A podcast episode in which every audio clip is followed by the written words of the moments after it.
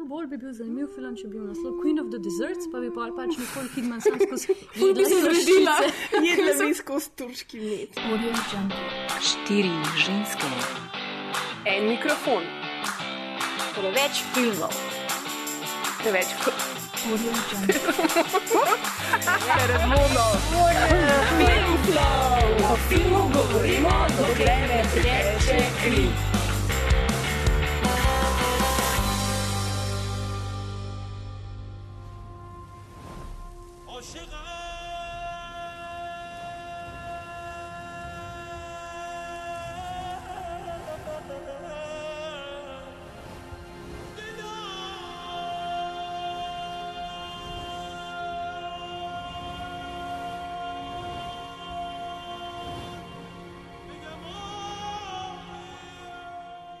Lep pozdrav, poslušate Film Flow, podcast, ki skrbi za vse vaše filmske potrebe. Uh, mogoče bi bilo bolj iskreno reči dobro jutro, uh, glede na to, da smo um, te običajne pozne večerne ure danes zamenjali za relativno zgodnjo jutranjo. Meni se kar srce trga, srce se mi trga. Reči dobesedno. ura pol enajstih, ampak za nas je to. Kaj? Ker je, ker je za druge popoldan, je pač za Film Flow jutro, tako pač je. Ne? Še sobota je, Exactly. to je čist nenaravno. Res je. Pač dlje, dlje ko zarežemo um, s pancem v delovnik običajnih ljudi, um, čeprav danes je sobota, pač pozabljam na to vse. Sam dlje si lahko pač dobesedno zatiskaš oči pred kruto realnostjo. Um, tako da uh, svojo dozo filmflow eskapizma si lahko prvoščete tudi vi, vsak mesec dvakrat in sicer nas lahko poiščete na Q-Maja. Piše v klepaju Maja, pa seveda smiley face. Smiley face. E, poiščite Z jezičkom. Z jezičkom. Tongi face. Tangi. Tongi face. ja, Well, poiščite, that's what you know. um, poiščite nas lahko na internetnih valovih in sicer na spletni strani www.filmflow.js in www.aparatus.js, tudi na uh, socialno-družbeno zanimivih omrežjih, kjer nas lahko postokate na Facebooku pod Filmflow, na Instagramu pod Filmflow podcast in na Twitteru pod uh, Filmflow TM. True. In moram reči, da smo tudi full vesele, um, ker smo zdaj dejansko dobili nekaj odzivov na Facebook. Ja. In sem tako, o moj bog, uh, hvala lepa za te spodbudne besede, um, ker brez vas bi bil svet vse naš veliko bolj puščaven. Ja. Ja. In seveda, ker govorimo že o puščavi. O, moj bog! Ja, lep segue. Ful sem bila vesela, ker sem se spomnila. Ja, tega. ne, ja, se sem malo potrpljala po rami. Res I sem did good job here. Noben drug good. me ne, tako fuck you guys. Uh, film, o katerem bomo danes govorili, se zgodi lih v eni puščavi, ne, po kateri se gre poptepati ena precej nenavadna ženska. In kdo od režiserjev bi bil lahko boljši naslov za čudne ljudi, ki prečkajo nevarna in odročna področja sveta? Ana, seveda, tukaj si misli v glavi, David Lean, David Lean, ampak ne, dame in gospodje, predstavljamo vam novi film Wernerja Herzoga. Tipetiča. Stipetiča. Puščavska kraljica. every step in the desert. Life and fire claim me, and I'm consumed. I would like to introduce Gertrude Lothian Bell. You will not scare the young man with your intelligence. Get me out of here. Anywhere, please. What about Tehran? It is the secret epicenter of the world. I love it here. It's the Arab nations who are awakening. This is their achievement. Even if you do not hear from me for several months, pay no attention and send no one. We have to play their game. It's dangerous to be sincere. I'm not afraid. What is it that attracts you? It's their freedom. It's their poetry of life. If I die, it shall be at the hands of your sheikh. Take me to your sheikh now. Wherever you are in the world, wherever I might be, we belong to each other. She is the maker of kings. She is the uncrowned queen of the desert. You will always have my heart.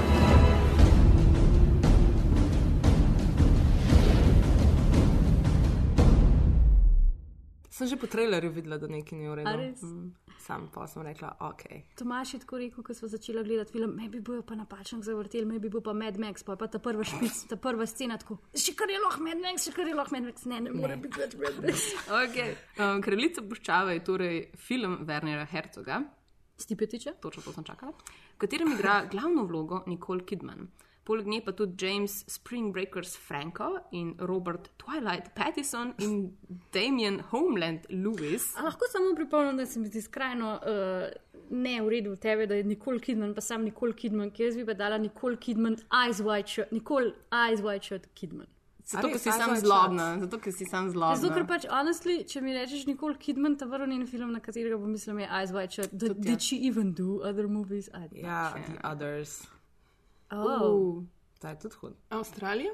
Recimo, Oh. oh. no, sem tam videla. Oh Oh. God. okay. To mi je bilo spet v puščavi, te puščave ne grejo. Ja, ni tako dobro. to je očitno, ne, ker pač. Uh, mogoče bi Hercog lahko še fedel, kaj ne, ampak mislim, da, da, da si on mislil tako, uh, kaj bi pa lahko šlo narobe s tako odlično zasedbo. Um, Medtem, ko mi se po resnici sprašujemo, pač bolj, aj sploh kaj mislil. uh, ker basically, I don't know. Pač šli smo skupaj gledati film v Kinodvor, um, že nekako.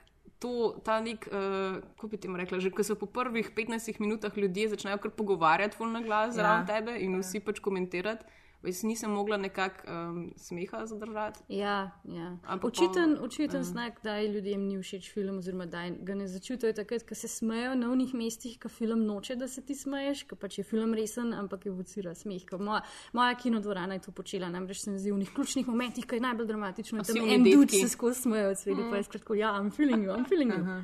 Čeprav sem imela en, en par, en, dve, dve ženske, malo starejše zraven sebe, ki sta res skozi klepetale, way. Ampak pač je bilo tako smešno, ker je bila ena je bila res elated, ne? ena je bila tako. A ja. Oh, ti, um, ja, veš, ko fulje razlagali in drugi pač so teh dokumentarcev o beduinih, Ja. ki jih je gledala, po moje. Pač Ajaj. tako, ja, veš, to pa to pomeni, pa to pa to, pa ta perijska poezija. Bla, bla, bla.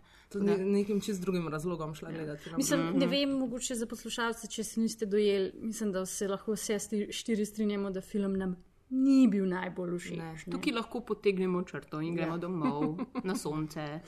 Anyway, ampak res je, res je pač, da rabimo nekaj zgodovinskega konteksta, preden se lotimo filma samega. Glede na to, da film upodablja resnične dogodke v zgodovini, um, s tem pa tudi odpira vprašanje um, odnosa do bližnjega vzhoda. In vse obrnemo list scenarija. Ja, je. in svetovnega vzhoda nasploh sem imela že napisano, da je v redu. Ne morem si zapomniti stvari, prav. Zgodje. Ampak uh, zato, ker imamo um, tako true blooded uh, zgodovinarko, hvala Bogu, kle, um, nam bo. Uh, Hvala Bogu, da se nam drugim ne treba pripravljati. Ja, to, sam to sem v resnici. Ja. Vedno me tako prezentiraš, da mi pa sem tako straha, oh moj bog, tako je itek. Mislim, tako Se še ne delaš diplome, the fuck, shit. Le, za mene si tako eh, kraljica. Če bi imeti zgodovinsko, zgodovinski opis, imeti bi v bistvu vse iz Wikipedije prebrali, tako da mislim, da karkoli boš danes povedala, bo uh, Ja. še plus. Ok, ok. Mm. Zdaj, v bistvu sem mislila tako narediti mal um, vsebino filma, plus um, mal povedati o tem, um, o zgodovinskih dogodkih, pa o tem, kako jih Hercog portretira, kje zgreši, pa mi boste tudi mal pomagali pri tem. Ja, itak. A, yes. Jaz vem že nekaj, kar ni res, ampak bom počakala, da Ja, prideš do te točke. vem nekaj, Tako kar mi res. čakam, da te diskreditiram. veste, kaj ni res? No, bomo videli. Go, Ana, go for it, go. Ja, film v glavnem govori o Gertrude Bell, uh, ki je bila ena zelo zanimiva zgodovinska osebnost. Bila je pisateljica, raziskovalka, arheologinja, zgodovinarka, um, političarka, vohunka. Mislim, ful veliko enih zelo zanimivih eh, stvari. Pa tokrat reče, nisem vohunka v filmu. Znjuka. Marsikaj rečem, ker nima pomena. Ja.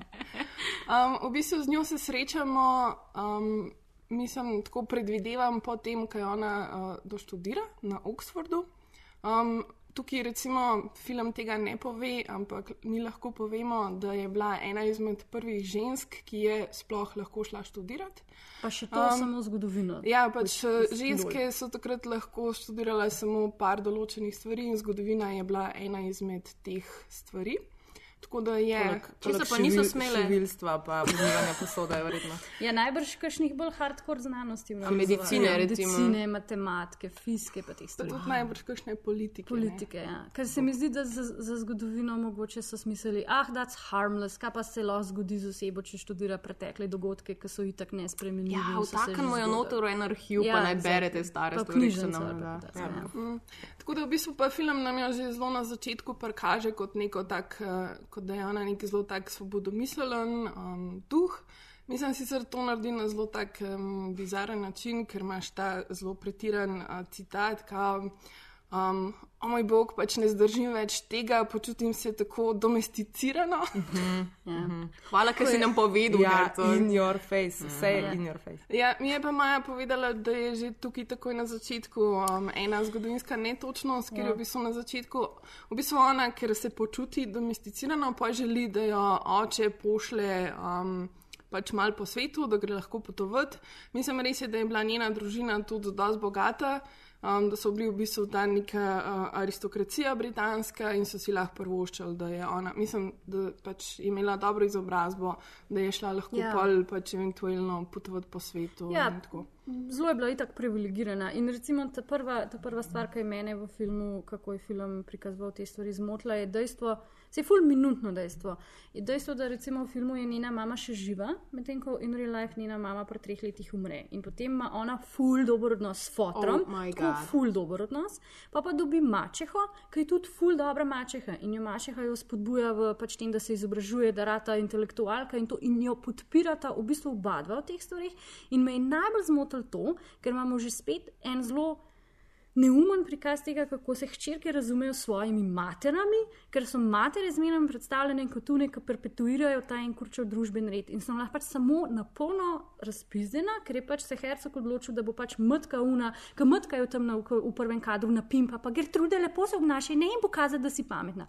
Not fucking true at all. To me je full razpisalo. Wow. Pa pač tako recimo, da je ona ne vem koliko let mountain climbala, da se ena gora v Švici po njej imenuje, da je za, da je za, da je za pač deset smeri odkrila to on umen, fotor. Ja, pustil sem ti tu v Švico plezati, pa si spagležen zlomila, mene je bolj bolel kot tebe. Pač come on, there's toliko več je v njej. tle na Oh, wow, tega sploh nisem razumela, jaz mislim, da je z drevesa padla. ne vem. Ja, neki, sedlej. Ja, um, v bistvu tukaj je tudi zanimivo, ker recimo poleni špekulirajo, da je glih zaradi te mačehe, se je pol tudi, ki je bila nekaj časa v Iraku, se je trudila v bistvu, um, ja. da bi eh, dala izobrazbo tudi ženskam v Iraku. Ne. Tako da se je v bistvu delala pač avtomatično na tem, v bistvu je tudi uh, ustanovila tam knjižnico, pa muzej, pa tako, tako da je bila, mislim, tako fulenih V zanimivih stvari delala je toliko delala. velik stvari v filmu, dejansko pokaže samo njene romantične zaplete. Ja. Dejansko ni nič o njej sami. Kar nas v bistvu pripelje do naslednjega preskoka v filmu, ker se iz Britanije pač preselimo v Teheran, kjer gre ona obiskat uh, strica, ki je pač konzul na tam na ambasadi. En boljši karakter v filmu. ja, definitivno. Šampejn, šampejn. In tam v bistvu ona pač eh, ob tem, da recimo potuje naokrog, pa se uči jezikov, čeprav je to zelo. Um, Pač je, je neka minorna podzgodba, ne? ker glavna zgodba je seveda ta, da se zaljubi tam v pomočnika um, pač tega svojega strica, enega tajnika na konzulu, in potem imamo celo neko to um, osladno, romantično um, zgodbo.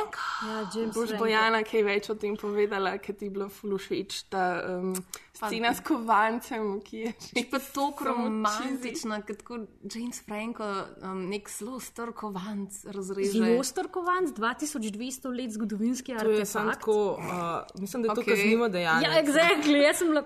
Come on, z ljubezen. No. Ja. Ne, se pač, meni je bilo ful saško, ker pač, jaz sem ga gledala, pa res je bil pač skozi tak. James Franco je bil, no? Ja. pač, sicer je imel britanski Pa naglas. ne vedno. Groza, pač slab. ja, nobene, naglas. nobene romantike, res ni bilo nobenega, uh, nobene iskrice, pa skozi se je režal in pač potem je hvala Bogu Maja, ki je mi pač prišepetavala zraven, ker smo film gledali, tako razodela, zakaj pač se on tako skozi reži, pa sem bila samo tako, oh moj bog, he's like the most known stoner ever. Mm. Pač, tako, kaj pa on delo tam, ker skozi haška del stari. Pač, Sej, tako, zato- Dober izgovor, da greš snemati. Pa ne, če gledaš Pineapple Express, uh, je konc. Ne? Jaz sem prebrala v eni kritiki briljantno, pač uh, ocenil James Franka, da on itak pač 90% igra z eyebrows, 10% je pa v očeh, ki govorijo run away, run away, I have crazy eyes, run away, it's gonna end badly. And it does. Ja, Sam tako, ko sem ga videla na tiskovni konferenci na Bienalu, ki je govoril o tem filmu, se ni več smejal. Oh, je takrat mu ni bilo več smešen in takrat uh, sem prvič videla njega, da. Mu ni kul. Ja, ne, v njegove oči sem dejansko videla. Dejansko sem videla pač njegova resno, resen obraz in sem si mislila, hm, mogoče pa zna igrati kakšno yes. bolj resno vlogo. Mislim, da- mislim, da on ni pač človek, ki, bi mu ne znal prebrati na obrazu stvari. No. Tako mislim, ni- ne more skrivati. Ja, ja, no. pač je je, iskren. je pač iskren. Ja. In, tako da, ja, on ni bil zadet od ljubezni v tem filmu, ne, ampak česa Od drugega. nečesa drugega. Čeprav Tukaj lahko še povemo, da je tako dosta zgodovinskih netočnosti, predvsem kar se tiče letnic. Pa ne vem, koliko je bila ona stara, ki je šla v Ja. ja. Teheran k stricu, pa Ja. ja. ko je imela to pač eh, neko zgodno afero s tem tajnikom. Zato, ker mislim, da pač v, v realnosti se je to zgodilo dosti zgodaj. Mislim, da leta 1892, ko je bila ona stara 24 let. Um, tako da je recimo ta neka ful uh, romantična ljubezen mogoče, mislim, mečkom bolj razumljiva, kot v filmu, se pa to dogaja, ne vem, tam v začetku 20. stoletja, nekje 1905, nekaj tasga, kjer je pa ona že bila tako 36 stara in je samo tako absurdno gledati to, kako ona potem. Ker oče ne odobrava, njen oče ne odobrava te zveze, potem ona njemu joka na kolenu in je samo tako bizarno.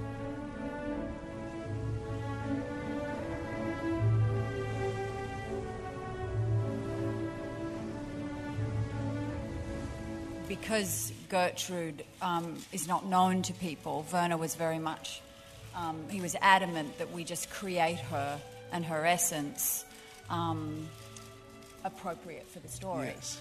So that's very different than doing something like Virginia Woolf, where I had to um, listen to her voice and find her um, cadence, and and then for something like Grace, obviously trying to really capture her sound and her and the way she looked, whether su- succeeding or failing, it was it's still an attempt.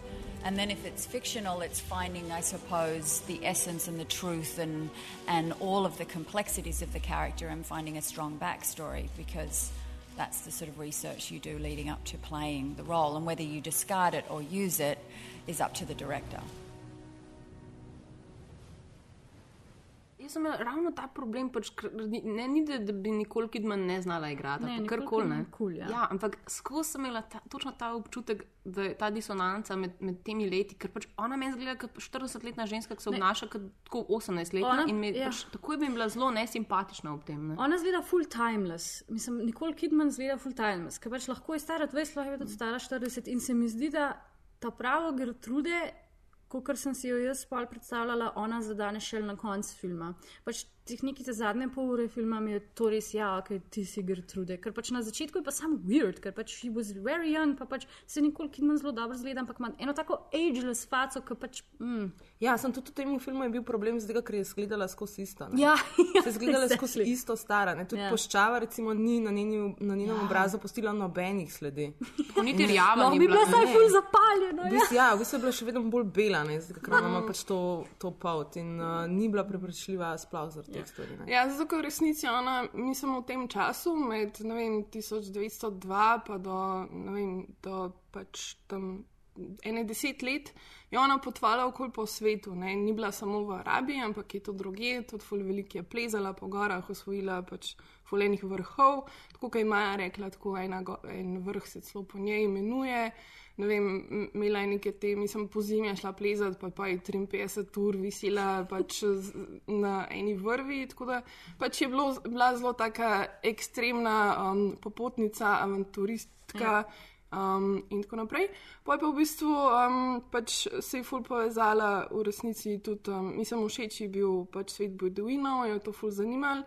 Um, tudi ne vem, kot zgodovinarka se je začela malo ukvarjati z arheologijo in je pač uh, hodila po Arabiji, malo izkopavala, pač uh, risala zemljevide, pač pisala, mislim, pisala dnevnik. Ja. Če bi jaz to vedela, ne, vse v filmu, bi mi bilo potem dosti bolj um, uh, tako veličastno, kako se poda zdaj na te svoje misije. Ja. Ja. Gre pač poiskati vse te neke neosvojljive, uh, tam, ker recimo Britanci ali pa nihče v bistvu z tega zahoda recimo, ne, ni prišel še. Ja, Medtem, ampak- ko to je pa v filmu tako navrženo, kot da ona gre zdaj malo na en izlet. Ne, mislim, bo, Tako pač, še, ne. ja, to je tako, ampak recimo, zakaj, pa še to je v filmu dosti slabo prikazan. Pač, zakaj se zdaj ona kar naenkrat odloči, da bo živela v puščavi? Zato, ker pač najprej ji fotor ne dovolj se poročiti z James Frankom, potem pa James Franko misteriozno umre in je pač ona heartbroken. ne?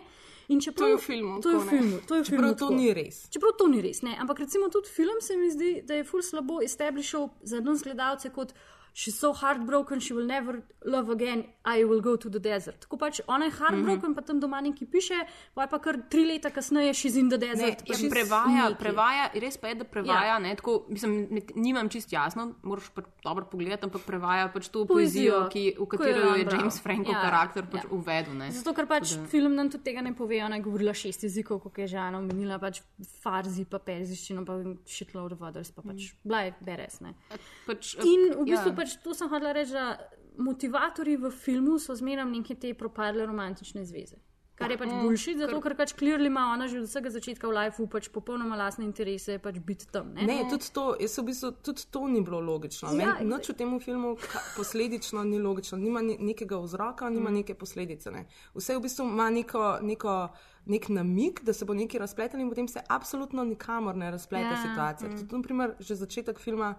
Ki kaže Churchilla in Lorenza, Ja, kako si ja. bodo oni zdaj meje tam razdelili. Ja. In potem, kar naenkrat se začnejo o njej pogovarjati, pač o neki prsati gospe, ki tam hodi po puščavi Pa in je noben ne fuknjena, pa mara. da ima je- veliko rit. Ja, in potem ja. nekako nekak sklepaš, da se bomo vrnili pač v ta Ja, ja, moment, ja, ja, kjer ja. ona pride in začrta te meje, Ja. ampak ni, ni, se nič ne razvije. Ne? In čisto vse tukaj kaže na to. Ja. Ja. Ja, tukaj pa pridemo tudi do te usporednice z Lorencem um, Arabskim oziroma T.H. Lorencem, ki je, mogo, mislim, ki je ful bolj znana zgodovinska osebnost, tudi mogoče po zaslugi filma Davida Lina, um, ki je v bistvu pač Gertrud je nekako, ona dva sta usporedno, ne? mislim, oba dva sta približno v istem času. Tudi v filmu se srečata, sta hodila po puščavi in sta raziskovala in v bistvu nabirala znanje. In ravno zaradi tega, ker sta bila on in ona, sta bila dve osebi, ki sta v tistem času najbolj poznali te ljudi, um, to ozemlje, um, kaj se dogaja, so jih potem v bistvu uh, na začetku Prve svetovne vojne, oziroma leta 1914, um, so jih, uh, jih je britanska vojska pač poklicala, da jim pomagajo. Ne vem, pač vodila sta, recimo, Gertrud je vodila britansko vojsko čez puščavo, ker je poznala te poti.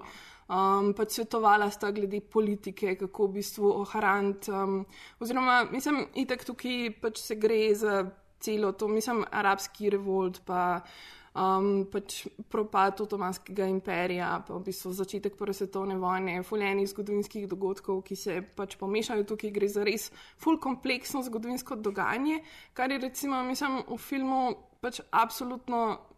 Ne vem, noč ti ne Nič, povejo o tem. nič, tega. Ker Recimo, glih, ki smo že omenjali Lorenza Arabskega, ne, tam so res da pač kompleksno predstavljeni ti dogodki, tukaj pa nam noč ne povejo. Mislim, kljub temu, da film govori o zgodovinski osebi, ki je imela ful pomemben um, vpliv na to, kako Arabija zgleda, oziroma pač. Um, Arabski polotok oziroma um, Middle East, kako izgleda danes, kje države so tam, um, v bistvu nam o tem čist nič ne pove, ne? tako zelo, pač je to tako mim grede. Ja, se to, se, to, to, to se mi zdi. Ne, da v bistvu teh, on se ni mogel odločiti, kakšen film bo to Ja. ja. zdaj. Ne. A bo zdaj furo mogoče malo politično, ali bo zdaj furo njene ljubezenske zgodbe, ali bo furo zdaj v bistvu neko, neko zgodovinsko obdobje. Ne. In vse je bilo, vsi zametki so bili tam, ampak nikjer ja. Ja. se pa ni fokusiral. Zato si vedno, vedno imel občutek, da nekaj izgubljaš. Ja. Ne. Zato, ker nič od tega ni bilo razvito. Mislim, meni je bilo najbolj žalostno to, da njeni največji dosežki so skristalizirani na koncu filma v dva stavka. A je šel po, postskriptom, ja. kao Gertrude je začrtala meje Iraka in, Arba, in uh, Armenije. Nikoli Oh, se ni eh. Jordanije. Nikoli se ni poročila, umrla je leta 26 v Bio- Bagdadu. Bi se je mogel napisati to, Ja, exactly. Tako je ker- se, up tega pa nič nismo noter. Ja, a je zato, ker ona je basically coachala in postavila oba dva kralja. Tako pač ona je fucking izbrala njune ministre, a ne? Pa pač pa cele te hašite nekam je postavila gor in to je pač full kompleksna tematika. Uh -huh. Ker v Lorencu arabskem imaš ti enega unga, eh, kva je že šarifa, ki je tako kul, cool, okay, on zdaj se Mhm. mm. Lorenz pa on boste tle neki polna, Body, skupaj ja, ja. boste, až neki imaš en, en ta element. Medtem ko tle je pa sam pač nizanje there and back again v puščavo, omenja se neke Ibn Šaride, pa neke Emire, mm. pa to, ampak you have. Niti nimaš časovnega vidika, kdaj se to dogaja, niti koliko je zdaj to important, da se dogaja. To Ja, pač res nič. Meni je bilo ful uh, zanimivo, ker je Ana mi tudi po filmu recimo omenila, da uh, ker si ga že gledala prej, ne, um, na v Londonu. Uh, ker si ti rekla, pač, koliko je, koliko so, ker sem imela problem s tem, kako so njo brez problema posod sprejeli. Pač vsi, Ja, ker... nikoli niso, pač, ženska je bila, ne pozabiti na to, ne, pa do, ne, ne verjamem, da je bilo ne vem, sto let nazaj pač toliko lažje za ženske.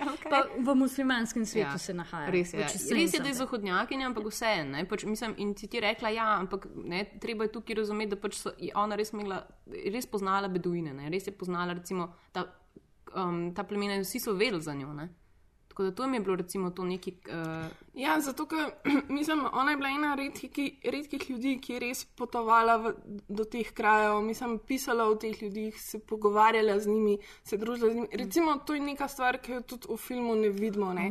Kako ona sploh vzpostavlja stik s temi ljudmi, kako je ona sprejeta med njimi. Mislim, to so samo tako neke minutne epizode, kjer res ne začutiš te povezave ne, med njo in temi ljudmi, ko v bistvu za razliko od Lorenza Arabskega, ne, ki se ga danes v Arabiji nihče več ne spomne, pač njo še vedno poznajo, pač njo še vedno omenjajo, ona je ta, ki se jo pač ti ljudje še vedno spominjajo. Ne. Ja, in tukaj je ta problem, uh, recimo, tega, kar mi poznamo kot teorijo orientalizma, ne? ker pač je, ja- je pa jasno v filmu, mislim, seveda je ful na prvo žogo prikazan, ne? ker je vse na prvo žogo prikazan, očitno, ampak um, prav ta odnos zahoda do vzhoda, ne? to je pač recimo to, kar um, mene zanima, pač, kako, je, kako se vam v filmu pač zdel ta, ne vem, no, pač, oziroma kaj sploh je orientalizem, mogoče lahko povemo no, za, za tiste, ki niso sociologije študirali. Um, ja, mislim, da pač tukaj gre za, za več različnih dejavnikov. Ne? Mislim, da teorija orientalizma je tudi vedno povezana s tem drugim. Ne? Kako se v bistvu en narod vzpostavil, vedno mora imeti nekega drugega. Ne? In za, Evropsk, za Evropo je bil ta drugi, z- um, ta najbližji drugi, pa najbolj pomemben drugi, je bil vedno um, Otomanski imperij, se pravi pač. Uh, Turki, ne? Turki. Mislim, vsi poznamo te opade, pa te grozne Turke. Pa, poleg tega, da. Zdaj so grozni, še zdaj so grozni. um, da so imeli pač eh, drugačno religijo, res ful drugačno kulturo. Mislim, v bistvu vse fantazije, ne, tudi evropske, recimo pa tudi pol v 19. stoletju, pa recimo za, začetku 20. je zelo značilen pač britanski pa ameriški um, orientalizem, ne, pač ta neka predstava fantazma o tem. Um, vzhodu, ki, je, um, vem, ki ima te hareme, polne žensk, pa kjer se samo uživa. Pa, mm. So v bistvu recimo Britanci, ki so bili mogoče skozi to viktorijanstvo zelo konzervativni, ne so v bistvu vse svoje fantazme prenašali na um, Orient. Mm. In potem se je v bistvu ust- ustvarila neka ta slika Orienta, ki je bila čist napačna, ne, ki ni bila realna, ampak je bila konstruirana skozi potopise, skozi pripovedi teh um, raziskovalcev, pa avanturistov. Plus, da se je na akademskem nivoju ne, mm. na ta način tudi obravnaval ja, sam iz, Orient. iz, svoje, iz svoje perspektive, mm. seveda. Mm -hmm. pač, mislim, uh, zdaj, ki vemo, recimo, ki je pripoznano, da se, recimo, koliko, se, koliko je bila recimo, civilizacija ne, um, takrat, mislim, v arabskem svetu pač so imeli številke prej, kot mi in vsega Boga. Ne, pač, mislim, in, Ne, vedno, tako kot si rekla, ne, oni so te druge, se pravi, pač, ne, najbližji vzhod je bil to, ne, najbližji mm. Azici so bili v resnici in njih, na njih so pač te vezali vse to, kar niso mogli na sebe vezati. Mm. Se pravi, tudi vse slabe stvari. Ne. Ja, pa v bistvu se gre tu za to, ne, da v bistvu samega sebe vzpostaviš kot neko dominantno oziroma boljšo pač, kulturo. Ker recimo, mislim, tako kot si rekla, ne, pač ta bližnji vzhod, mislim, to je bila zibelska zibelka civilizacije. Ne? Vse stvari so se tam pač najprej zgodile in so potem prišle mm -hmm. na zahod. In potem v bistvu je orientalizem služil večjim stvarem. Ne? Ena je bila tudi v tem, da se je pač v bistvu zahod legitimiziral kot, pač ta, um, kot boljši kot, in je s tem, da je um, ponižal vzhod, pa ga postavil za nekaj manj vrednega je s tem upravičeval tudi v bistvu svoje kolonije, pa svojo nadvlado nad temi ljudmi. Mislim, da je ful lep, um, uh, lepo ilustrirano točno to, o čemer zdaj govoriš v tem enem klipu, ki ga imamo pripravljenega za tebe, Ana, iz Lawrence of Arabia. Anywhere within 300 miles of Medina, there are Hashemite Bedouins. They can cross 60 miles of desert in a day. Oh, thanks, Dryden. This is going to be fun. Lawrence. Only two kinds of creature get fun in the desert Bedouins and gods, and you're neither. Take it from me. For ordinary men, it's a burning, fiery furnace. No, Dryden. It's going to be fun. It is recognized that you have a funny sense of fun.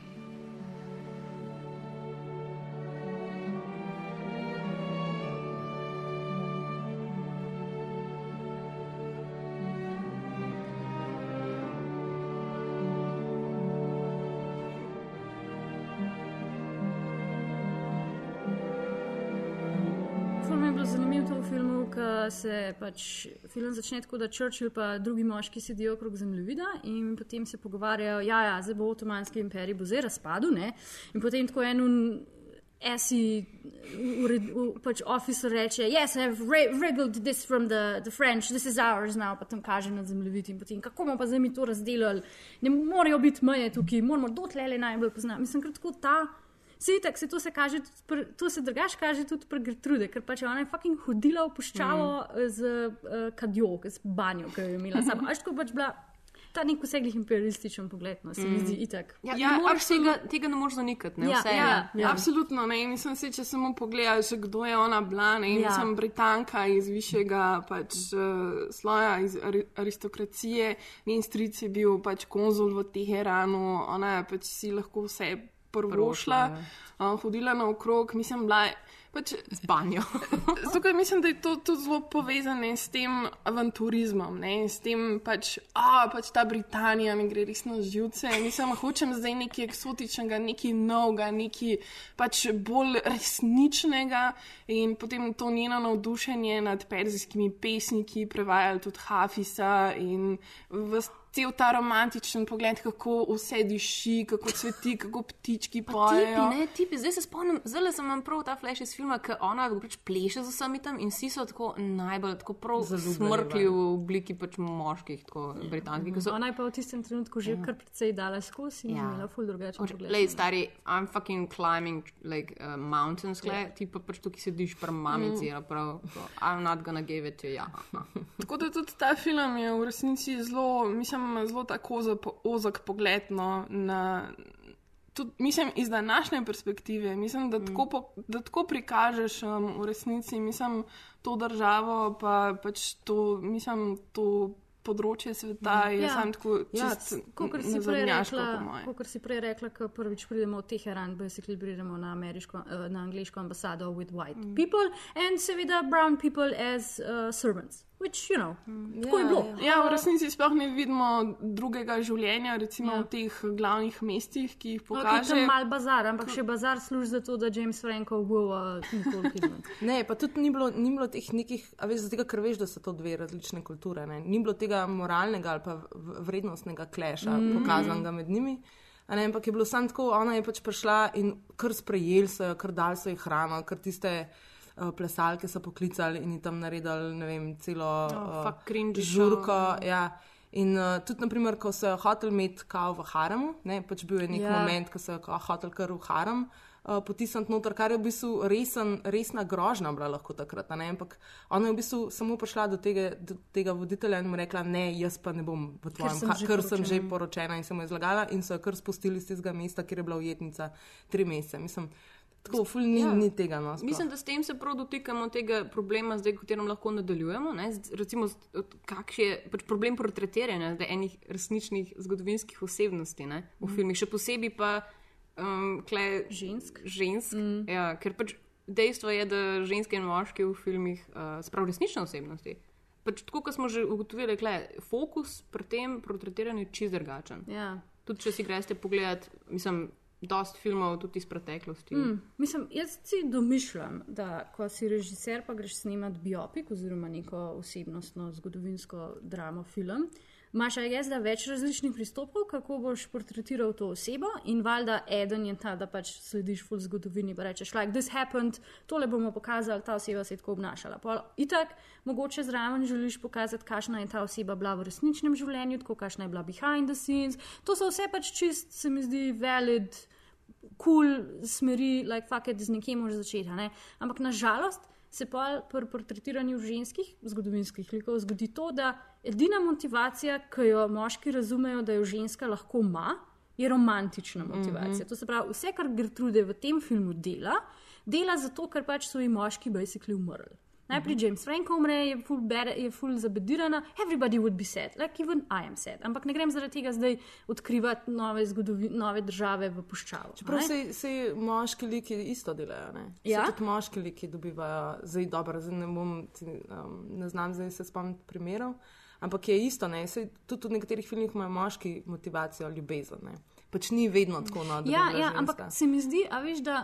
Da se hkrati, po, mislim, je, jaz se strinjam s tabo. Pač, ni zdaj tako, da v moški, pač, recimo, ne vem, uh, Aviator se spomnim. Recimo, Mm. mm. pač, a veš, ki je kompleksno film, dober, dober narejen, pač ima za ta odnos z mamo, seveda tudi zraven. Ne? Ampak, veš. Um, Je ženska, je neka ta usodna ženska, ampak hkrati razumeš, da ima on tudi druge motivacije v življenju. No. To, je- to, se je mi zdi, to se mi zdi, recimo, da pač, ko portretiramo en moški lik, je to tako pač že od začetka ima on tu eno vizijo, kva hoče v svojem lifeu in jo mm. bo zasledoval, ne glede na to, kaj se mu zgodi v lifeu. Medtem ko pri ženskih likih se mi zdi, da pač nek začnejo in potem nek, neki tak delajo, in tako pač nam tudi Hercog ne pove glih dobro, zakaj je ona sploh motivirana, a veš, odkje je. Ona je bila že, ona se je rodila, pa je bila taka pač adventurous, ona je hotela iti ven.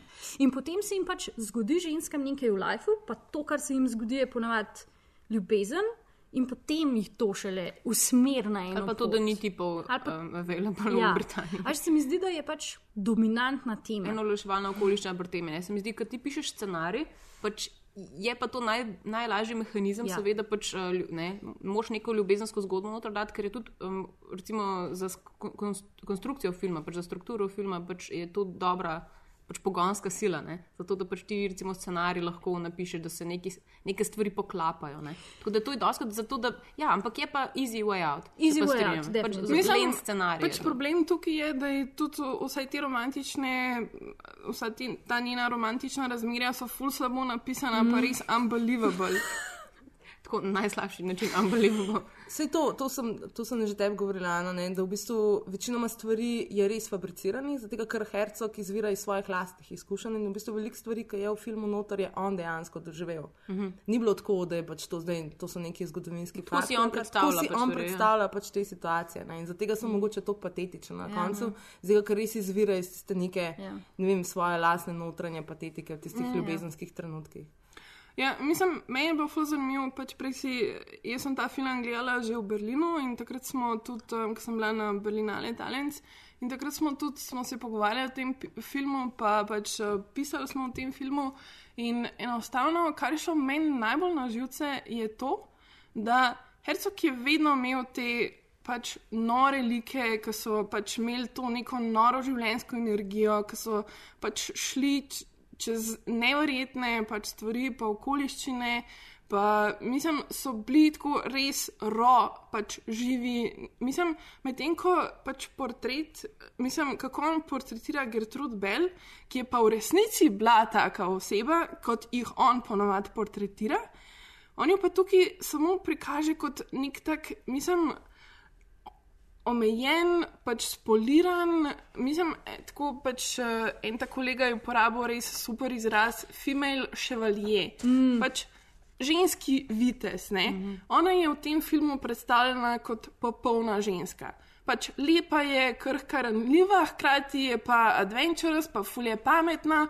Pa, um, mislim, Prav, pač, bolj moška fantazija, kot pa karkoli drugega. ne. Ja. Kot da si moški ne bi zmogli bili, bi, biti zmožni si predstavljati kompleksnih ženskih likov ali, uh, for that matter, kompleksne ženske. No, no, no, ne, ne, Maja, ne. pa. ne, mislim, je pa recimo res, da pač jaz bi bila veliko bolj razpizdena nad filmom, pa nad načinom portretiranja Gertrude, če film ne bi bil tako dolgočasen. Pač, meni je bil film v prvi fazi mm. samo boring, šele v drugi fazi feministično problematičen. Zato, ker recimo, če, ko se strinjam, da je bila Gertrude Bell res taka raw, živa oseba in bi se to, to bi se super dal speljati z njenimi romantičnimi zvezami, ker pač, če je ona ži- živela stoprocentno. Pač res life to the full, je tudi ljubila, najbrž 100% in jo je valjda to full zjebal, ampak bi to veliko bolj žoftno se dali izkoristiti in bi bilo veliko bolj komplementarno z vsem. Je pa tako sam pač boring. Okay, se pravi, glede vsebine filma se vsi čisto strinjamo, ampak um, moramo pa tudi uh, povedati, da ni samo vsebina problem, ampak tudi kako je narejen. Um, in uh, jaz sem to pač sama uh, videla, ampak veliko mi je pa to prišepetavala tudi Maja um, na ušesa, ki smo gledali. Pa smo pač v petku res besno gledali, tako, kaj bo zdaj ta prehod, kaj, kaj se dogaja sploh. Ja.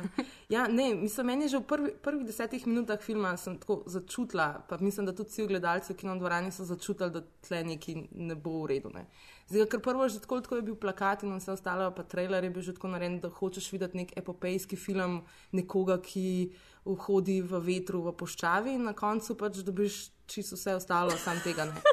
Ne, in že na začetku filma, ker te pač postavi, in to je bil en izmed redkih lepih posnetkov puščave. To je bil tako, na začetku je bil še tako nekako. Uh, mm. Nekako si pričakoval, da bo nekaj iz tega filma, ampak potem, te, potem si videl te fond, ta fond, ki je bil izpisan, pač, kaj se bo dogajalo v tem filmu, pač neka zasnova je bila napisana in že na začetku si videl, ojoj.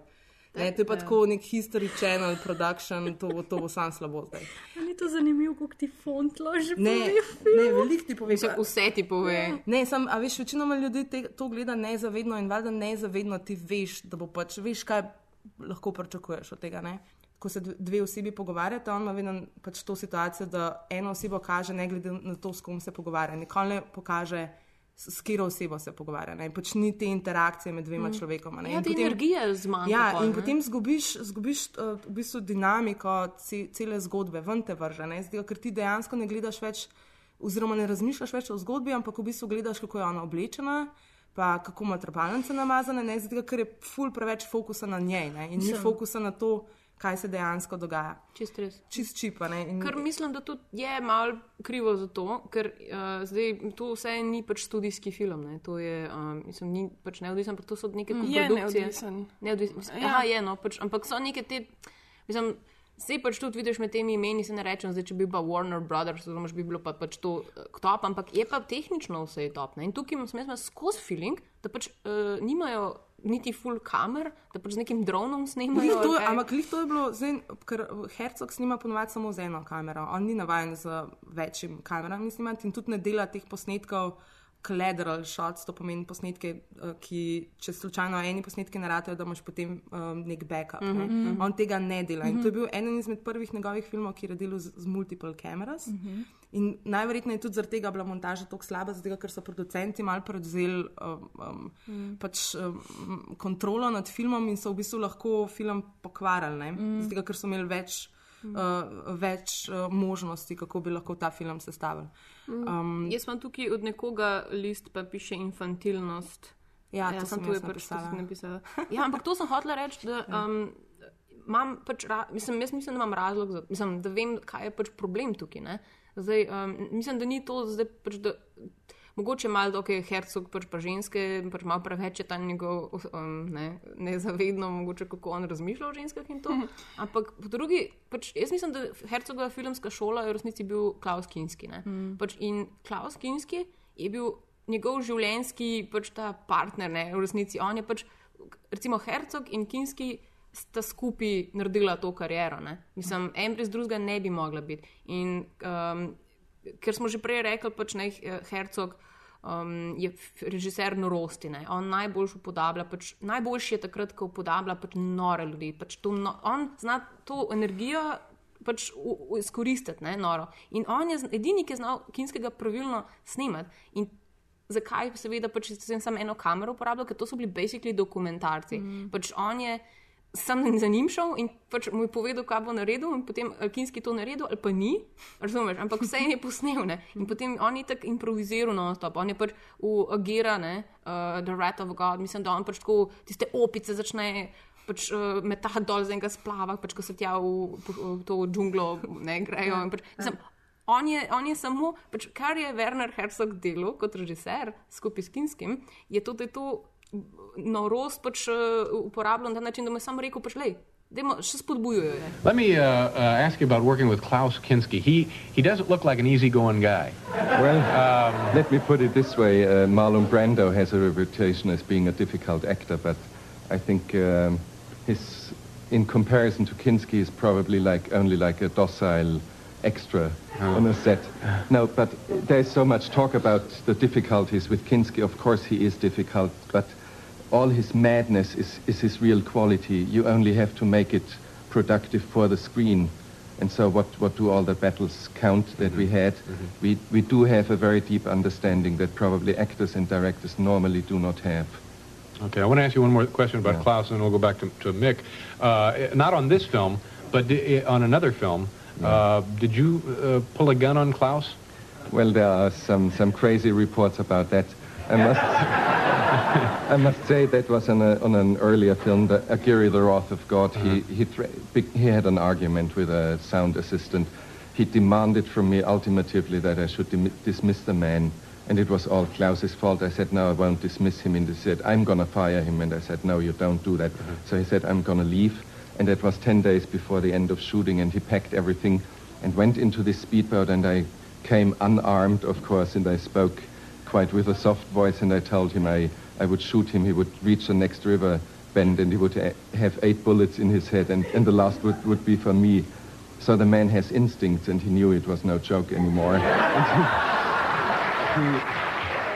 Ja, To ne, je bistvu, on je to, imel ne. to, ne, ni te meje med realnostjo in uh, fikcijo. Ja, Ja, ja.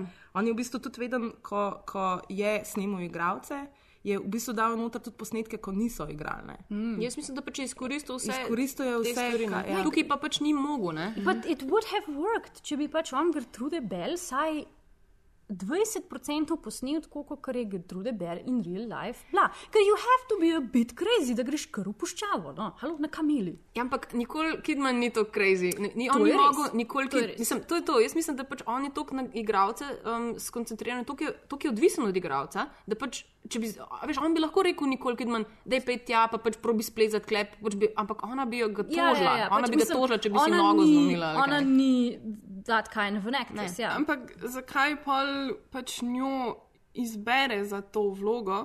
Mislim, zakaj se sploh odločil, da bo posnel tak film? Mislim, zakaj, če njemu to ne leži, mislim, zakaj gre snemati nek klasičen zgodovinski film, kjer pač želi nekaj povedati in o zgodovini, in o pač sociopolitični, um, ne vem, realnosti, če on tega, Jaz- mislim, Denar? ne Jaz sem, delati. jaz sem prebrala, da je, jaz sem nekaj prebrala, da je z enim drugim filmom dal uh, prst v vrata Hollywooda in da se zdaj želi mal tja. Hello, I am Werner Herzog. I too can make Hollywood Ne movies. jaz sem ne vem. en, um, ki je imel masterclass in je govoril, kako se on zbira filme. In je rekel, da on si ne zbira filme, da nekako filmi kar pridejo do njega. Ne. In se mi zdi, da, da je pač nek, ne vem, vse ne vem točno, kako zdaj on res funkcionira, ker res malo vem o njemu. Ampak tako, kot sem videla, vidim, da je res zelo spontan človek. Ne. On Mm. pač res uh, deluje potem. Hashtag uh, YOLO. Ja, pač kar, kar pride, on bo to zasledoval. Ne. Pač A, Ana, tako- mislim, da je Ana rekla, uh, da, mislim, da si, da je skozi gleda, da si on pač res hotel posneti ta um, pač iz 20 filmov, oziroma pač ta nek zgodovinsko. Ne, Ja. ali pač, da, mogoče je tako, kot si ti rekla, tudi Maja, da ima ta hollywoodski, pri- mislim, mogoče mu Mislim, dogaja to, zdaj je, ker to je drugače tako, let's be honest. This would make a really good Hollywood blockbuster. Like, to bi bil, Oscar je oh my god. Zato, za ker to mi je bilo zelo zanimivo, kako za ta film sta bila predvidena. Mislim, tako Ridley Scott je tudi full hotel oh. snemati ta film, ampak so se pol odločili za Hercoga vseeno. Kar mi je bilo tako tudi zanimivo. Kaj bi pa Ridley Scott naredil iz tega filma? Tako sem, sem, no, ne vem. Meni je, meni je bilo tudi Ja, zanimivo. en zelo tipičen hollywoodski Ja, blockbuster. which would be fine. ne. Like, a veš, če ne bi glih full pobučral Gertrude Bell, bi bilo dobro. Mogoče vsaj dolgočasen ne bi bil. There would be sem- explosions. I'm maybe. on your side here. Ne, so- jaz, sem, jaz sem prebrala en, eno zanimivo semi kritiko, ker je en, en, en kritik si je tako želel, da kaj pa če je v bistvu Hercog hotel s tem filmom prikazati, kako v bistvu vsi ti biopiki so nezmožni per se prikazati kompleksnosti zgodovinske realne osebe in je on s tem svojim načinom snemanja in pisanja v bistvu hotel, hotel narediti tak metafilm, ki nam Mm. kaže na to Mhm. lažnivost biopik filmov, ampak je pa tudi kritik sam zaključil, da ne, it's too bad to be that Tudi, smart. tudi jaz sem imela ta "Ah, wishful thinking res?" moment. Jaz sem Maji sem tako razlagala skozi, hej, jaz ne vem, jaz mislim, da je to, jaz mislim, da ona Zmota. nalaž sabotira to. pa sem vmes sem se že mal pač Se skulirala, tako da ne. Ja, Ja. ta en kolega na Belinalu je imel to teorijo, da je v bistvu um, Hercog failal zato, ker je bil zaljubljen v svojo protagonistko.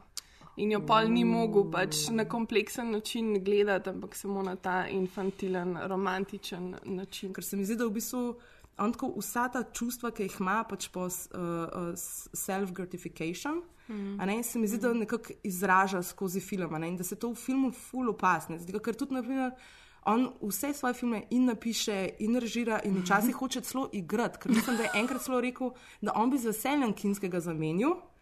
Zato, ker on bi tudi ful dobro lahko to vlogo odigral, ampak se je pač odločil, da bo on. Da bo mu je naredil, to. kao Kinski mu naredil uslugo, da je imel job. Ja, recimo. Ne? In, in se mi zdi, da tako vidim, vidim tako, in tudi v teh ljubezenskih scenah v Queen of the Desert se mi zdi, da je ta, ta patetika noter. In tudi uh, James Franco, ko za- zaprosi um, to Bell, um, um, nekako je to iz njegovega življenja. Ne? Mhm. On je zaprosil tako svojo ženo. Ne? In je tako čist njegovo Mhm. videnje, kako bi to moglo izgledati. Zdi, da za tega mogoče malo tako patetično.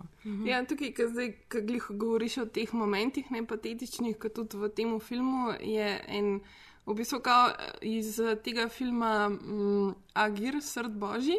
Je ena legenda, da se je um, Hercog predvarjal, da je veterinar in je kradel opice, ki so pol na koncu uh, tega filma. Mhm. To je kao neka ta legenda. In v bistvu v tem filmu um, Kraljica poščave imaš to sceno, kot ta Doughty Wiley, ta um, Mhm. major, s katerim Mhm. je Nicole Kidman, Oh, ne se wow. kao pretvarja, da je veterinar, da ukrade konja za njo, ne? ker je pač to njegova romantična gesta za njo Ja. zdaj. Se, jaz sem pa že svet sem ful na pol sam zasledila, da ima pač uh, Hercog kar precej zanimiv občutek do resnice oziroma resničnosti, zato Mhm. ker se ful. Ful se ne ozira na to, recimo, tudi kaj, katera so bila zgodovinska dejstva, ampak in to sem prebrala, correct me if I'm wrong, kraljica Viktorija ne bi umrla leta 1901, medtem ko v tem filmu se pretvarjajo še, da je 1902 še živa. Which is like, all fine in umetniška svoboda, vse, ampak sorry. In nekaterih zgodovinskih dejstev ne moreš zignorirati. Ne moreš, pret, ne moreš se pretvarjati, da se je druga svetovna vojna končala takrat, ta- ne takrat, kadar se je. In to se mi zdi, da je pač mu ful na robe hod v tem mm. filmu, ki bi mogel biti zgodovinsko dosleden. I see it more uh, full of obscenity. It's just, and nature here is vile and base. I wouldn't see anything erotical here. I would see fornication and asphyxiation and choking and fighting for survival and growing and just rotting away. Of course, there's a lot of misery, but it is the same misery that is all around us. The trees here are in misery and the birds are in misery. I don't think they, they sing, they just screech in pain.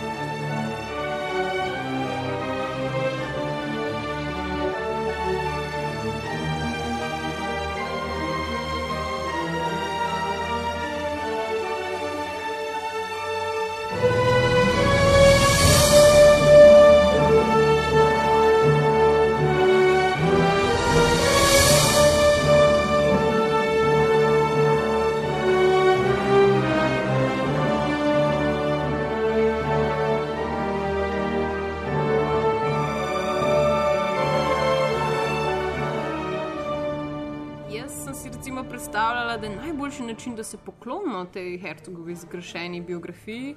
Um, da, da recimo na, na mest liste top filmov naredimo pač listo flop, najslabših filmskih biografij.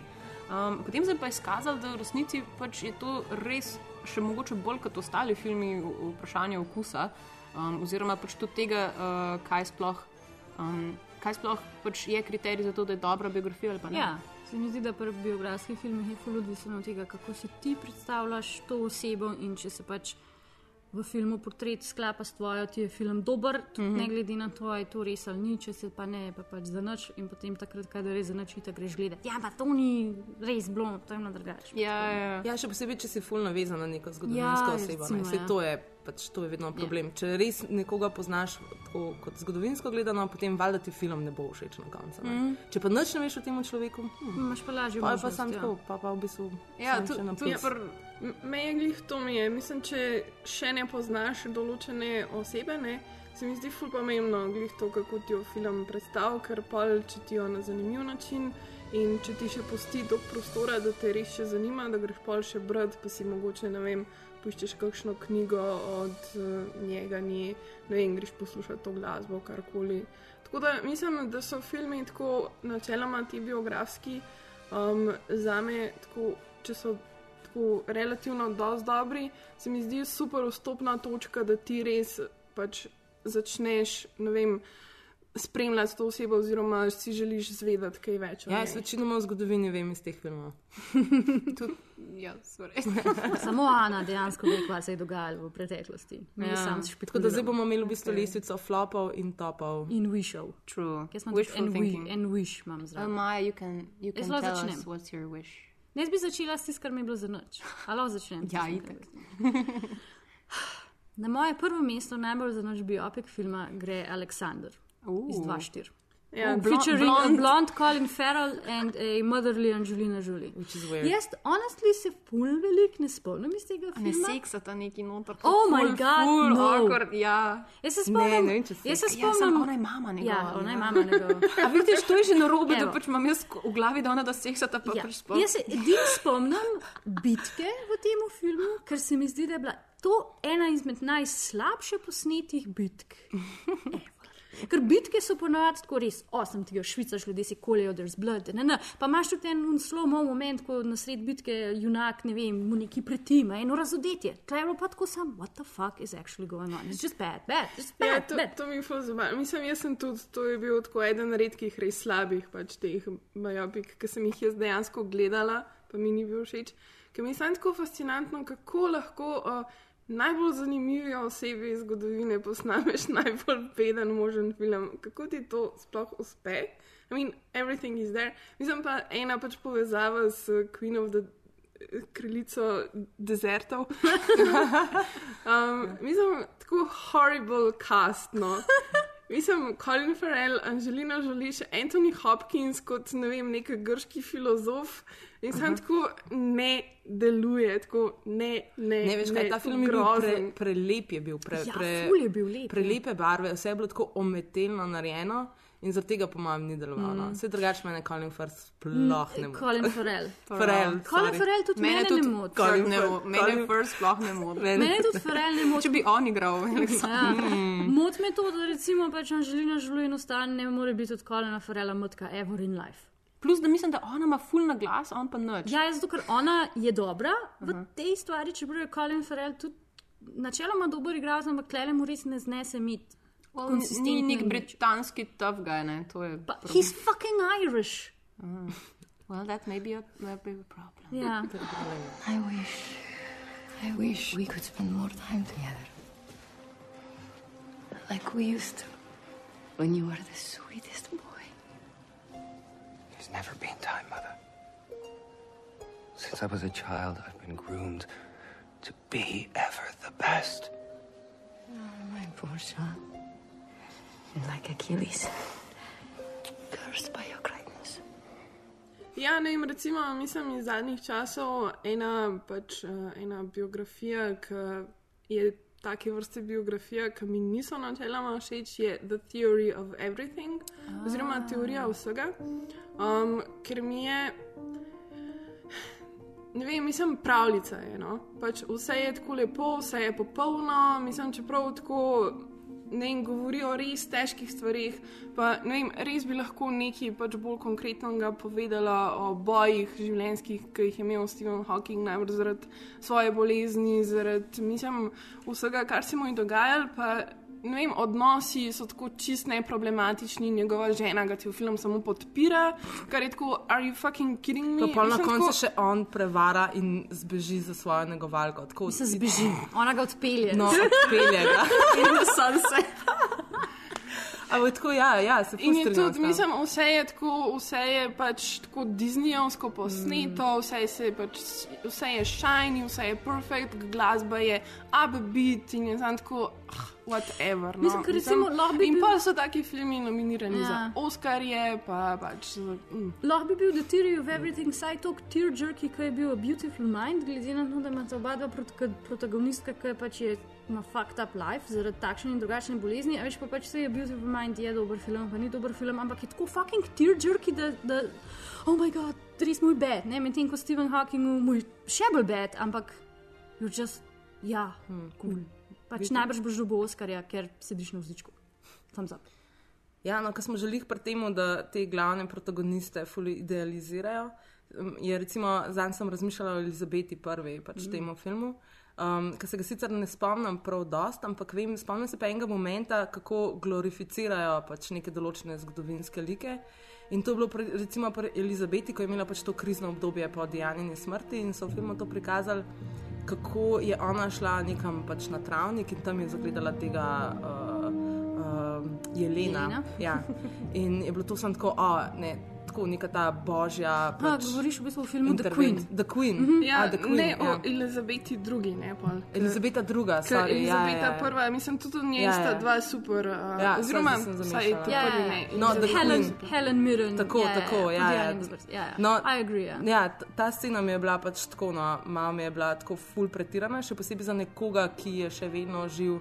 Se mi zdi tako, no, ni mi bilo, pa tudi se mi zdi, da veliko teh biopikih točno to delajo. In se mi zdi, da je to je ful velika napaka, no, da glorificirajo pač nekatere mm. karaktere. Tukaj je tako prva stvar, kjer lahko ful zgrešiš. Mm. Da v bistvu ti postaviš nekoga na prestol Ja. in ga samo Ker že itak, itak so, by default, pač neke pomembne osebnosti so itak že full na pedestal postavljene in če še to film dela, se mi zdi, da je to tako. Mm. Mm. Ja, okay, Čeprav meni je bil pa The Queen načeloma ful všeč. Mhm. Um, sicer ima te ne, momente, ki valjda pač kako sploh. Mislim, itak je tudi čisto drugače, kako portretirati nekoga, ki je že ful dolg časa mrtev. Pa ne vem, recimo Braveheart, ki je tudi, mislim, ful mal se ve o njih, pa ni zapiskov, pa tako si jih lahko ful Mhm. drugače predstavljaš kot pa neke osebe, o katerih pa res, mislim, je neskončno materijala, neskončno stvari veš, so še živi. Kaj bojo oni sploh rekli, bojo filmu, ne, kako Ja. pristopaš do vseh teh stvari, je ful drugače. Ampak zaradi tega mi je bila kraljica, no, mislim, se mi je, zel, se mi je zdela zelo, zelo Ja, dobra. se Ne? mi zdi, da Helen Mirren tukaj naredi večino filma, ker she's really good, zato ker jo zadane. Kraljico, medtem ko se mi zdi, če smo že pri britanski kraljevi družini, Diane, ki jo Mhm. igra Naomi Watts, mm. Je pa boj, da kar nekaj zgrešen, zato ker je ne zadane dobro. Ker to je ekstra problematika tega, ko imaš ti živo in izpričano zgodovinsko osebnost, jo mora igrati zadet v nulo. Ni, ni tako nujno, da si ti je full fizično podoben, that helps, ampak esenco mora zadeti. Kar je pri Mhm. zgodovinskih ali pa pač long mrtvih ljudeh eh, lažje. No, jaz imam na svojem prvem mestu eno zgodovinsko long, long, long dead osebo. Jesus? Kleopatra. Uh, ne, Kaligulo. Oh. um, in sicer uh, gre za film uh, Tinta Brasa, um, ki je najdražji, se mi zdi takrat bil, no, ne vem, to je bilo v 60-ih, se mi zdi, ne posnet. v 70-ih. Um, najdražji kvazi pornič, bi rekla. Um, Malcolm McDowell igra Caligula, spravo rimskega tega cesarja. ne.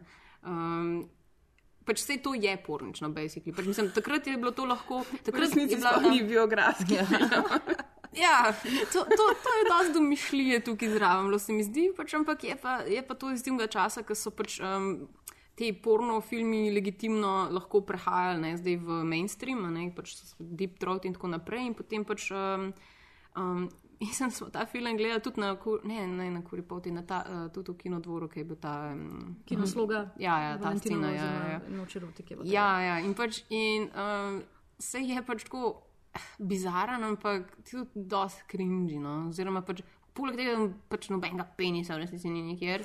A, to pa res slabo. Nočni, noč, tako pač, ko seksa je pač kot najslabši, tako a, boring. Si, tako, če že posnemaš fucking orgijo rim, rimljansko, pač kot da kaj naredi iz tega, ali kaj ne, pa sem pač tako, uglej, kole, noge in joške. Pač, Se, a, mislim, da smo gledali na Kuripavti eno pač verzijo, ki, bila, ki so bili vsi tisti zanimivi deli v resnici. Ja, zato, rezani. to se tako zgodi, da ti projekcionisti v vem, 30 letih, ko se pač film kaže, tako vsak ukrade en delček pač teh penisov in po na koncu jih ni več. Mogoče bi mogli dosnet kot material. Tyler Durden jih ima v kleti vse te izrezane. Ja, exactly. Okay, na mojem drugem mestu bom postavila en film, um, ker mi je v bistvu, ki je ful dober film in mi tudi dosta se en, a je res, a, ustreza resnični zgodovinski osebnosti in to je Behind the Candelabra od Mm, pa eh, sem najboljši koga že? Uh, Ja, um, uh, Liberace. Liberace. I'm gonna play that part again so you can all shout hey, okay? Pač noter je Michael Douglas in uh, uh, Bourne, uh, Jason Bourne, Ja. ja. Matt Damon. In je sam fucking hilarious in je full dober in najbolj ever. In pač, I don't really care if Liberace was like that, če se to res dogajalo, pač sam film je full dober. In mi je pač tako full žal, ker sem ga videla enkrat v kinodvoru, ni imel nekega super bright releasa, ker je bil to kao neki HBO movie, niti ni bil za kino planiran, ampak sem imela to fortune, da mi je nekdo rekel, da to moram iti gledati in sem šla gledati in je bilo najbolj ever. Ne, najboljši je bil ta, ki je igral uh, kirurga njegovega. Ja. Ki ga je pripričeval, da mora imeti nujno plastično operacijo, medtem ko je imel on čist primer faco, ki je ni mogel več premikati. a veš. Pa ta creepily Matt Damon skozi bolj postaja podoben. Michael Douglasu, ker pač je liberače pač tega svojega tipčka pač plastiki sržili. Oh, wow, okej, mene si prepričala, Ja, da lej, bom- to je bom šla to je- gledat. to je kul Ja. smešen film, res pač. Ne, Pa tudi oba dva igralca naredita super stvar.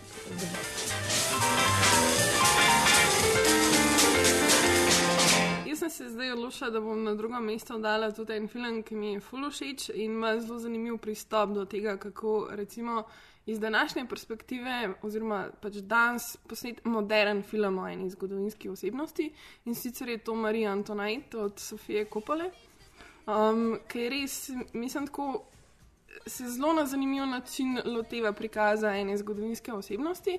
Ker tako, če bi gledal film, mislim, pač nič nima veze z zgodovino, ampak vsem pa skozi to, ne vem, skozi rogo glasbo, skozi te neke njihove zabave, um, pač uspe prikazati oziroma dati nek občutek tega, kdo je ona bila, na kakšen način je živela, pa tako ti da pač nek material za razmišljati o tem, kdo je ona bila kot zgodovinska osebnost. To je definitivno recimo film, ki bi verjetno uh, nekoga, ki gre zdaj v kino, ne, brez tega, da je pač karkoli ve o tem filmu, verjetno razočaral, pač ker pričakuje neko to kostumsko dramo, mm. pač um, razkošno. Ne. Medtem, ko ja, pač mislim, Jason Schwartzman, pač vsi te, uh, te Wow. kul cool ljudje iz ne vem, 2000 naprej pač so notrne in I love that movie. pač dobesedno. To je tako musical tortic in pač uh, hecnih krinolin in tega. In indie glasbe. In indie glasbe.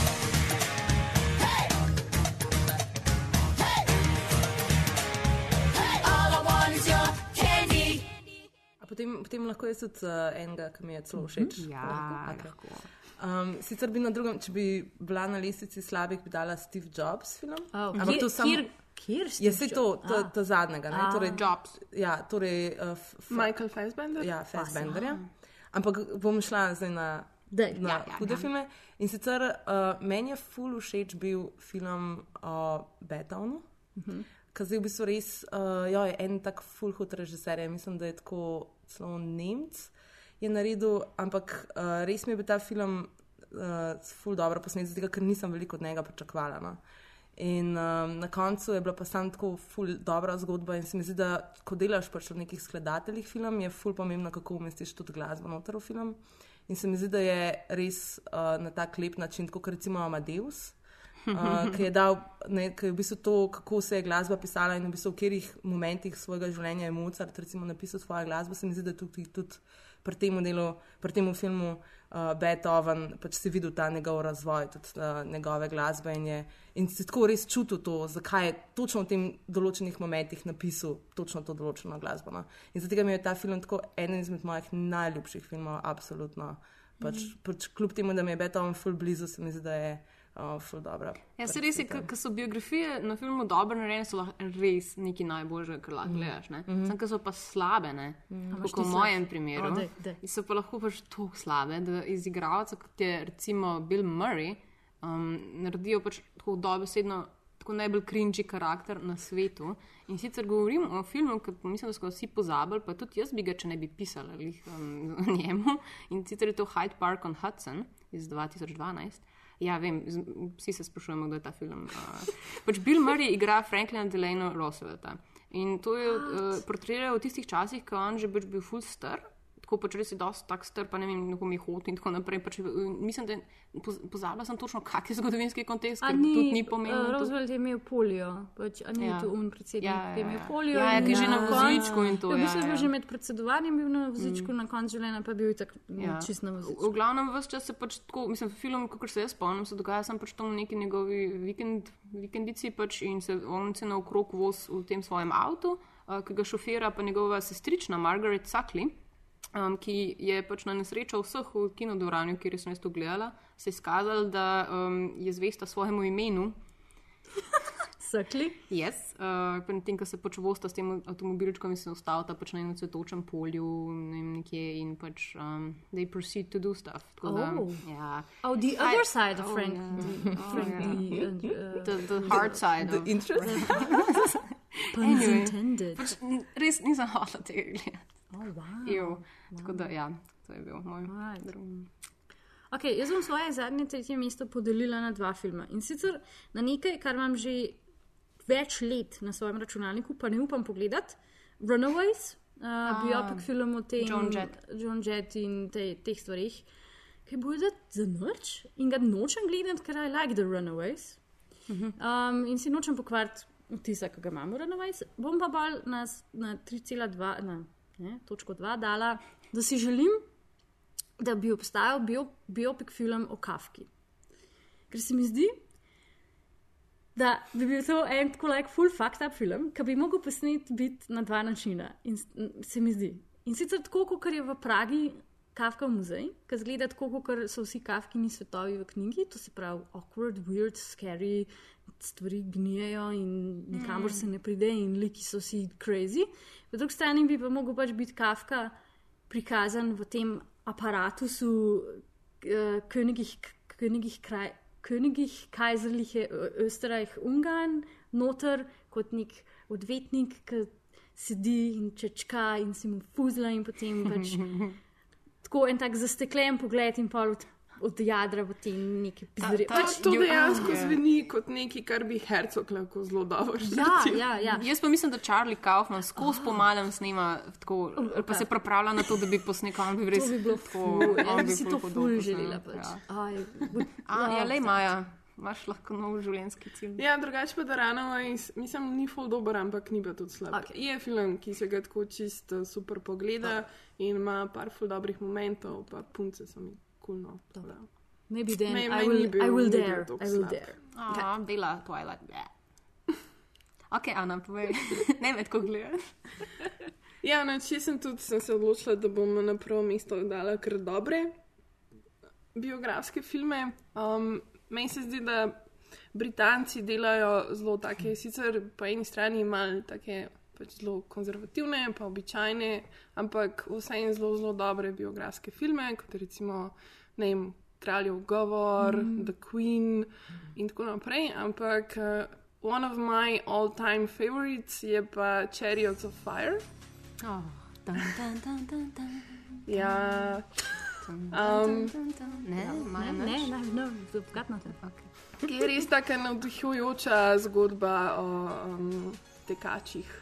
To, bo, to Ja, je pa, vse, pa kar muzika moram od Vangelisa, ki je še 300 krat bolj znana. Ke... Ja, ne, super je. V bistvu res tak en zelo lovki film je bil takrat, ki je pol um, pač res vse presenetil in je super. Navdihujoča zadeva. Tako da res priporočam, če ga še niste gledali, zdaj tak prijeten filmski vikend.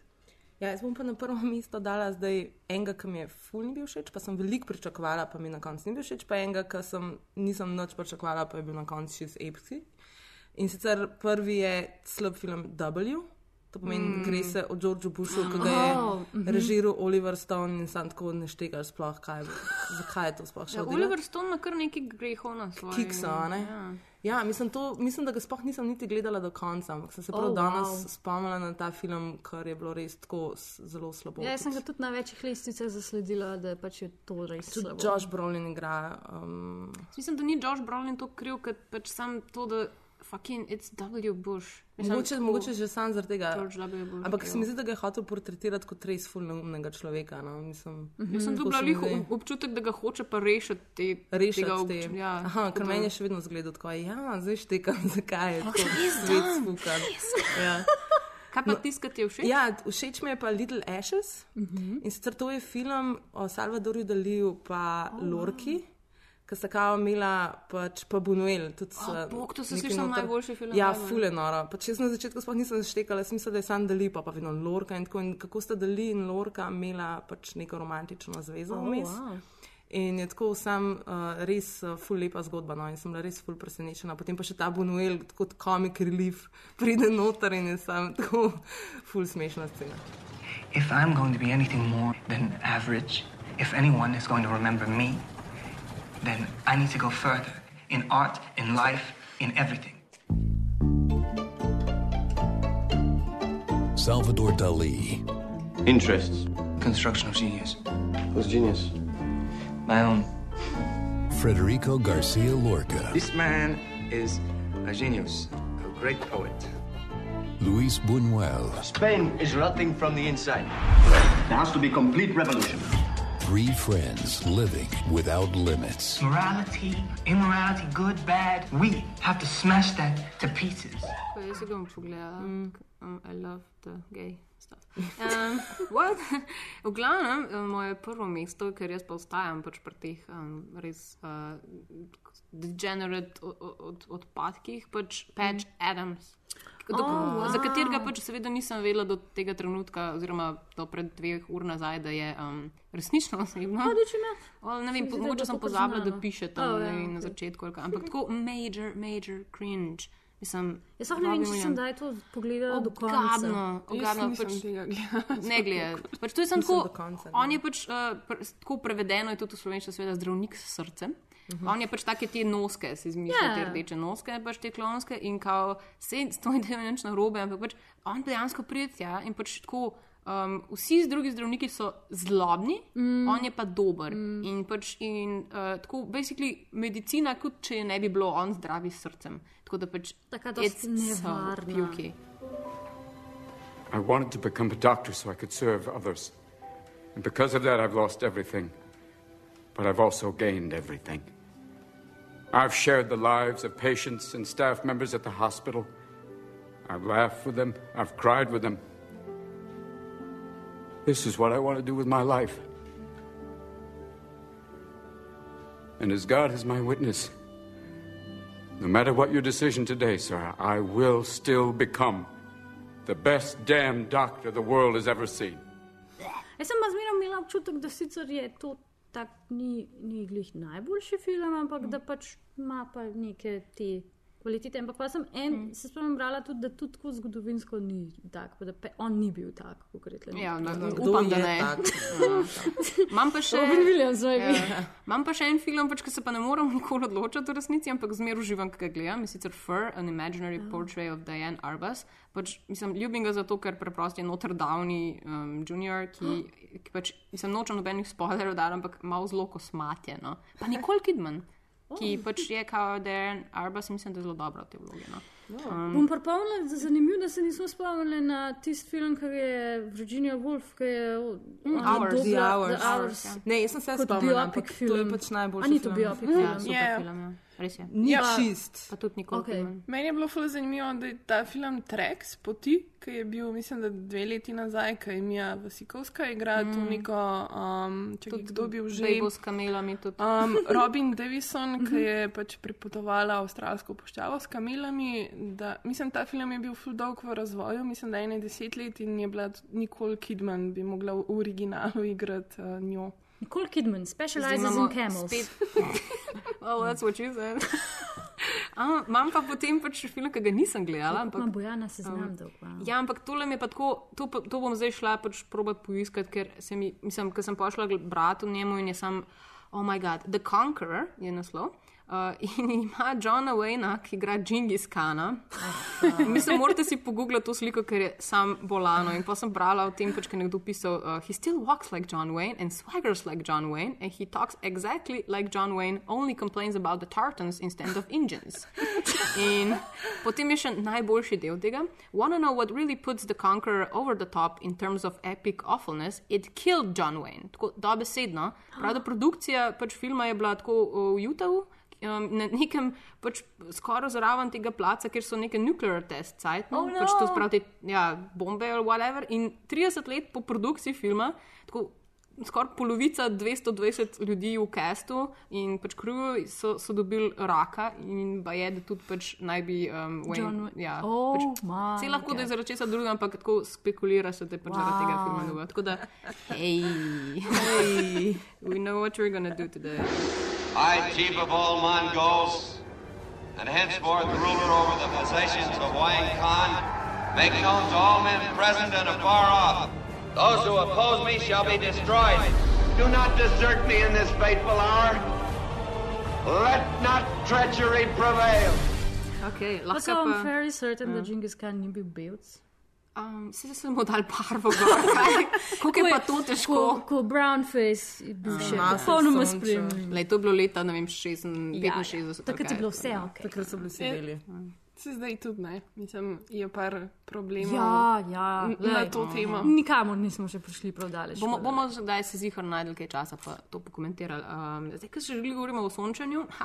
Wow, kako si danes on fire s tem ja. segwajem. Ne, se ta bil res sam najslabši, ampak pač moram nekako uh, zaključiti to zadevo, Ja. ja. da imamo predolge. Ampak um, uh, imamo eno ful dobro novico. Mislim, že zadnjič sem povedala v, v nem, uh, slovenskem, slovenskem podkastu, da um, bomo imeli dvomesečno pauzo, sprav počitnice, se, uh, julij in avgust. Uh -huh. Ampak um, v resnici ne gremo na počitnice, ampak bomo delali. Kaj bomo pa delali? Snimali bomo podcaste. No. Um, ful, ful smo srečni in veseli in navdušeni, da smo zmagali, če lahko tako rečem, na našem Ja, zmagali smo. takem. Ne, ni Nismo zmaga. zmagali. Zmagali smo. Pač, uh, prijavili smo se na en razpis in um, naša prošnja je bila ugodno razrešena. Kaj, v glavnem, odobrili so nam, To pa tako lukewarm. odobrili so nam nekaj dinarčkov, zato da lahko uh, pripravimo eno serijo podcastov, ki jih jaz ljubkovalno imenujem Indie Flow, drugače bojo pa dejansko govorili o neodvisni ameriški produkciji. In zadeva se bo odvijala za vas um, čez jesen in zimo, za nas pa čez Poletje. poletje, ker bomo pač pridno delali in ne imeli počitnic. Tako da stay tuned, bomo itak pa še kipale posted glede razvoja Pa tega. tudi v tem dveh mestih pač ne bomo se čisto Ne. poslovili, bomo pač uh, vse čas na Facebooku in Instagramu, ker kaj pa nam ostane od live. Tudi newsletter bo še Pošiljale fotke z morja. Ja. Newsletter je. Ja, Maja bo, šla, Maja bo tako rekla, fuck salon, sucker, bo šla na more. Ne, je prišla na kolpo. A, Mislim, tudi to well, je you know, nekaj, ne. Close enough. Um, se pravi, se vrnemo pol septembra um, z novimi podcasti. Vse se nas še junijski čaka, ne bom prehiter zaključila tega. Um, Hotela sem še povedati, da prihajajo verjetno kmalo v kino film Sausage Party.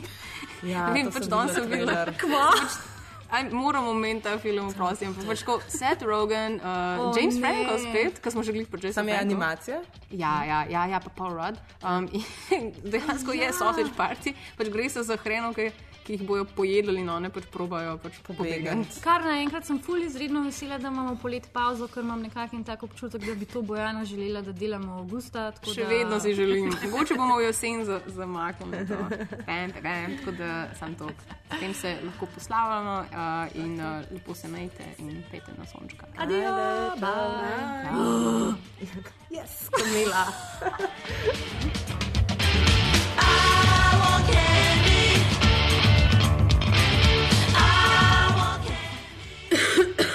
Jaz še kar izkušujem, samo poslušam.